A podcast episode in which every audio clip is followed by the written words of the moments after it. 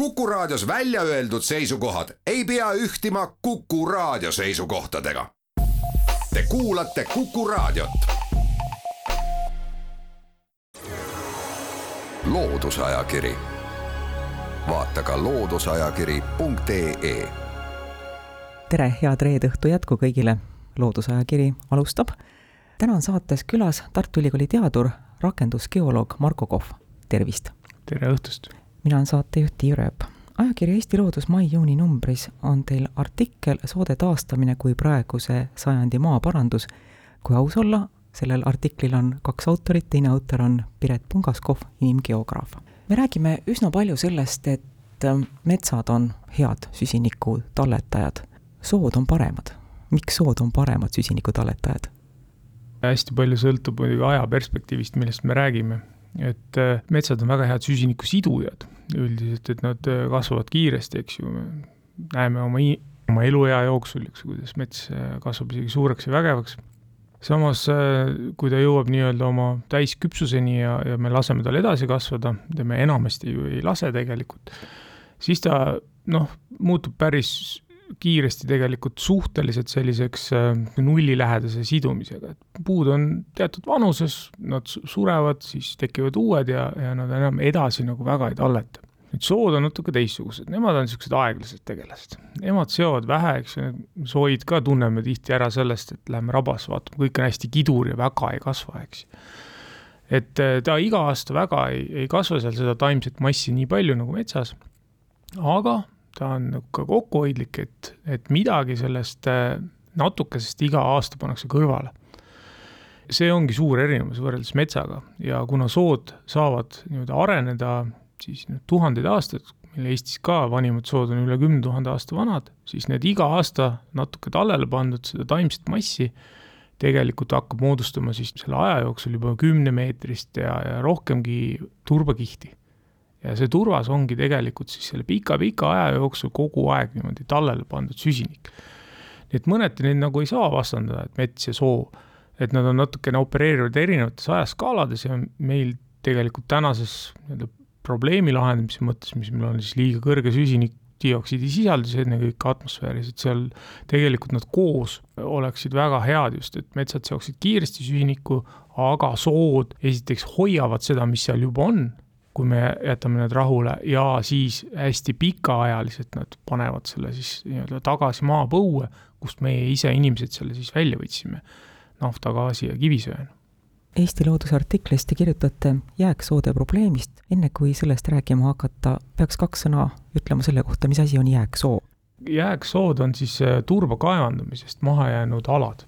Need võivad olla kahesugused, et meil näiteks Nõukogude aja lõpus siis, kus paljud need turbakaevandusalad olid mingite kolhooside ja sovhooside omad, need jäeti lihtsalt maha. Need me teame päris hästi palju, neid on, neid on kuskil kümme tuhat hektarit, lihtsalt jalutatigi minema ja jäi kõik nii, nagu on. ja siis teised alad on need, mis meil täna turbatööstuse käes on või on olnud ja kus on siis see turbakiht praktiliselt põhjani tavaliselt ära kaevandatud ja kaevandajal on Eestis kohustus tegelikult peale seda maavara siis äh, ärakaevamist ala korda teha. ja nüüd meil ongi Eestis ühelt poolt nõukogude ajal maha jäetud alad, kuskil kümme tuhat hektarit, midagi umbes, ja siis on meil ammendunud alad juba, mis on tänaste turbatootmisalade nii-öelda nagu äh, osad juriidiliselt. aga tegelikult seal kaevandamist hästi ei käi. ja mis nende aladega häda siis on, on see, et nad ei taha ise sugugi taimestuda et meil on näiteid, kus kaks-kolmkümmend aastat on ala olnud selline, kus inimene midagi enam ei tee, aga taimestikku tagasi ei tule, rääkimata sootaimestikust, üldse igasugune taimestik. nii et meil on äh, kokku päris täpselt raske öelda, aga kuskil viisteist pluss tuhat hektarit selliseid ikkagi väga esteetiliselt juba koledaid maastikke ja kui me süsinikust räägime, siis need on ka muidugi väga suure süsinikuallikad, siis kui sa turba ära kuivendad, see, mis tuhandete aasta jooksul kogunes, see hakkab siis ko kohe atmosfääri minema, kui sa vee sealt välja võtad ja, ja vanad jääksood, noh, on tugevalt kuivendatud, sest turba tootmine nõuab seda kraavivõrku. miks jääksoo peal taimed kasvada ei taha? no seal on päris mitu põhjust, ühelt poolt on muidugi seal veepuudus tavaliselt suvel väga, väga suur, sest noh, see kuivendus on hästi intensiivne see turbapind, kui ta on avatud täiesti, on ka suhteliselt tume, nii et ta kuumeneb päikese käes väga kõrgete kraadini, seal viiskümmend kraadi on täiesti võimalik saada, nii et noh, see juba tapab need taimed ära, mis sinna on jäänud, siis on meil kevadeti on seal hästi tavaline selline külmakohrutus, kus siis jääkiht tekib sinna peale ja, ja see liigutab seda turvast äh, hästi palju ka, et noored taimed, juured lihtsalt lõhutakse ära nii et on üsna, üsna vaenulik äh, keskkond sellise isetaimestamine, mitte igal pool, meil on ka näiteid, kus on siis lihtsalt ka mahajäetud alad taimestunud, aga on ka täpselt siis vastupidiseid näiteid, et me teame, Soomes on ka äh, üks näide, kus oli seitsekümmend aastat maha jäetud ja ikkagi oli suhteliselt äh, must maa, nii et küllaltki vaenulik keskkond jah, taimedele erinevatel põhjustel. mida me saaksime teha, et soodustada seal taimede kasvama hakkamist? Või lihtsalt nendime, et see on nüüd nii ära rikutud maa, et siin ei ole tõesti enam mitte midagi teha? noh, ega inimene, kui on ikkagi, tahab, siis, siis saab paljuga hakkama, et et ka nende jääksoode puhul esimene asi, küsimus on muidugi see, et milleks me teda siis tahame kujundada, et ütleme, et me teame, et me ei taha seda jääksood seal, see on kole. näiteks ütlemegi täiesti emotsionaalselt niimoodi, mõjutab inimesi tegelikult ju palju ja me tahame midagi sinna saada, et äh, kui me tahame metsaks, teda näiteks saada metsamaaks, siis peab muidugi seal veetase olema piisavalt sügaval, aga mitte liiga sügaval, et puudel nii-öelda parajas vahemikus. ja tavaline probleem nendel äh, turbaväljakutel on ka see, et tegelikult see turvas ei sisalda väga toitaineid. nii et see on nagu liiga vaesed on need äh, puude jaoks ja siis noh, näiteks Soomes tavaliselt siis väetatakse neid alasid, näiteks puutuhaga Eestis on ka katseid tehtud niimoodi mõne hektari raames, et kas see võiks õnnestuda, noh, võiks õnnestuda, aga sellisel juhul sa pead teda nagu pidevalt väetama, et see nagu ei ole selles mõttes äh, nii, nii isevooluline, see, see metsaks viimine. teine variant, mida Eestis nagu rohkem on tehtud ja, ja on siis taassoostamine, et teeme soo tagasi. soo kui märgala põhiline elumahl on vesi et tuleb lihtsaltki sellele maastikule tegelikult vesi tagasi anda, see on nagu esimene asi.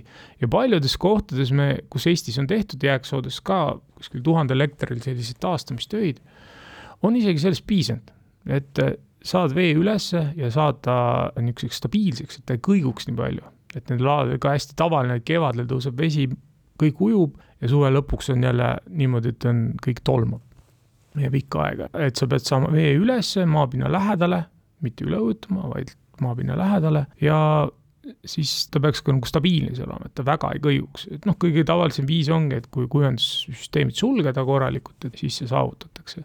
ja sellisel juhul noh, on niisuguseid häid näiteid, et sellest täitsa piisab ja see on see, mis on hea sellisel puhul, et see on ühekordne tegevus. Lähed sinna, paned kraavid kinni, ongi kõik, ülejäänud saab ise hakkama. on ka teisi katsetusi tehtud, kus siis, kui on meil väga suured väljakud ja meil on näiteks vahetult peale kaevanduse lõppu, siis seal ei ole üldse mitte mingisugust taimestikku. nii et me võime vee üles saada, aga kuskilt nagu neid levisid ka väga ei tule, sest need on väga suured alad, eks ju. ja siis vahest viiakse sinna koha peale mingisuguseid äh, taime siis, äh, osasid, mis siis võiks kasvama hakata, noh, kõige tavalisem näide on, et viiakse siis näiteks turbasambla tükke, needsamad, mis rabades, need ilusad värvilised samblad et neil on selline omadus, et kui sa ta selle ülemise otsa ära lõikad ja paned ta lihtsalt sinna turba peale ja kui veetase on õige, et siis ta hakkab ise kasvama. ja hakkab ise levima, alguses sa pead teda kaitsma kõigi nende halbade asjade eest, ennekõike päikesekiirgus just suvel, noh, mis meil ka ikka on väga intensiivne, et siis pannakse sinna põhku peale. et alla samblafragmendid, väikesed jupid, sellised paari sentimeetri pikkused, ja peale siis põhku lihtsalt. ja see põhk kaitseb siis neid äh, otseselt niisuguse kuivamist, hoiab niisugust noh, nagu mulč on äh, meil, meil on ju aias. noh, seda on Eestis tehtud äh, ka katsetatud siin äh, ikka noh, mõne kümnel hektaril või niimoodi. see on väga kallis ja ta on niisugune natuke riskantne, sest kui satub väga põuane aasta tulema sinna järgi, et noh, siis, siis on ikkagi risk, et need, need samblad surevad aga näiteks Kanadas on see üks põhiline viis, kuidas selliseid jääksoid nagu kiiresti taimestada sest kui veetase on nagu paigas, siis tegelikult nad peaksid suutma ise ka ikkagi levida sinna, võtab lihtsalt kauem aega. aga kui sa need sinna koha peale viid, veetase on paigas, siis võib tõesti mõne aastaga saada ikka üsna niisuguse juba hea pildi, sest sootaimed, kui nad on kohapeal olemas, veedas on hästi, noh, nende jaoks, eks ju, siis siis nad on võimelised väga kiiresti levima. külastad kohta, siis näed, kuidas samba mätas on, laieneb, kasvab külgepidi laiemaks, nii et noh, sellised kaks viisi on, et et Eestis põhiliselt on siiani rohkem seda vett lihtsalt nii-öelda tõstetud ülesse siiani üsna hästi nagu toimunud, teine variant, see kallim ja keerukam natuke on siis näiteks turbosambla laotamine, mis on natuke riskantsem, ka Eestis on ebaõnnestunud äh, katsetusi olnud, aga kui õnnestub, siis annab hästi kiire tulemuse, nii et oleneb hästi palju sellest, mida me tahame. Eesti Looduses kirjutate ka sellest võimalusest, et jääksoid võiks kasutada päikeseparkide aluse maana. mis takistused seal on? Ega tehnoloogilist takistust äh, mina nagu väga ei näegi, see on natuke on niisuguse traditsiooni peal kinni ja ehitus muidugi maksumus ja mugavus, et äh, kõige lihtsam on loomulikult tee äärde põllu peale, eks ju, panna need paneelid. teistpidi näiteks jääksoo taastamine märgalaks ja päiksepaneelid tegelikult üksteist tehnoloogiliselt ei tohiks segada. Nad võiksid isegi üksteist aidata tegelikult. et kui selle jääksoo üks probleem on see suvine hästi intensiivne päike noh, siis päikesepaneelid näiteks, nad ju varjutavad seda ala ja nad selles mõttes nagu aitavad selle sool taastuda ja teistpidi, päikesepaneelide efektiivsus sõltub temperatuurist. mida madalam on temperatuur, seda efektiivsemad nad on ja isegi paarikraadine erinevus äh, nagu külmem ilm aitab siis paneelil olla efektiivsem. ja märgalad või niisugused väga vett sisaldavad äh, alad, need on jahedamad kui näiteks see paljas lihtsalt turbapind. et nad aitaksid teistpidi enda seda päikeseparki. ja kui sa saad ta üsna ka märjaks, siis, siis väheneb muidugi ka vajadus igasuguse niitmise järgi, sest noh, seal ei kasva, üks erand on, pilliroog võib kasvada meil ka väga kõrgeks. et me oleme mõelnud jaa, et see võiks olla täiesti selline koht ka, et noh, juba praegu häirib päris palju inimesi see, et noh, need põldudel tekivad päikesepargid, et niisugune väärtuslik põllumaa, kuigi kui nii mõelda, siis ega, ega siis selle pargi all nüüd see maa kuidagi halvaks ei lähe, et äh, võib-olla ongi hea puhata seal. et aga siiski oleks võimalus riigil, eriti ju praegu, kus põhiline takistus ei ole mitte maapuudus, vaid seal võrguühenduste puudus. et riik saab suunata nende võrguühenduste väljaehitamisega neid parke sinna, kuhu ta tahab ja üks koht kindlasti olekski needsamad äh, jääksood, kus on suured alad, tavaliselt seal muud ei ole midagi, siis see oli kaevandusala enne, eks ju võiks ka olla suhteliselt äh, nii-öelda vähem konflikte siis mingi muu maakasutusega, sest äh, kaevandamine lõppes ära ja see võiks olla üks selline viis, kuhu taastuvenergeetikat saaks suunata. ja teine asi nende jääksoodega on see, et meil ei ole väga kogemust. et tegelikult isegi terves Euroopas ei olegi selliseid päris suuri alasid nagu selliseid kaevandusalasid taastatud mul on hea meel öelda, et on üks selline projekt, kus me Lavassaare, mis on Eesti kõige suurem turbatööstuskompleks, on siis Pärnust natuke põhja poole, et seal me siis proovime esimest korda sellisel ikka sadade hektarite suurustel aladel äh, midagi teha. ja loodetavasti jääb see siis selliseks võib-olla sihinäitajaks äh, teistele sellistele projektidele tulevikus ka. et mida saab teha, palju see maksab esimene küsimus kohe hästi palju ja kui, kui efektiivne siis ta on või kui kiiresti ta tulemusi annab, et äh, selline projekt on praegu käimas jah, Pärnust natuke põhja poole. aitäh, Marko Kohv, saatesse tulemast! soode taastamise ja märgalade rajamisega kaasnevatest hüvedest saab põhjalikumalt, kui me seda saates rääkida jõudsime, lugeda ajakirja Eesti Loodus mai-juuni numbrist. saatejuht Tiir Ööp ütleb tänusõnad ka kõigile, kes meid kuulasid ilusat nädalalõppu ja jälle kuulmiseni! loodusajakiri, vaata ka looduseajakiri.ee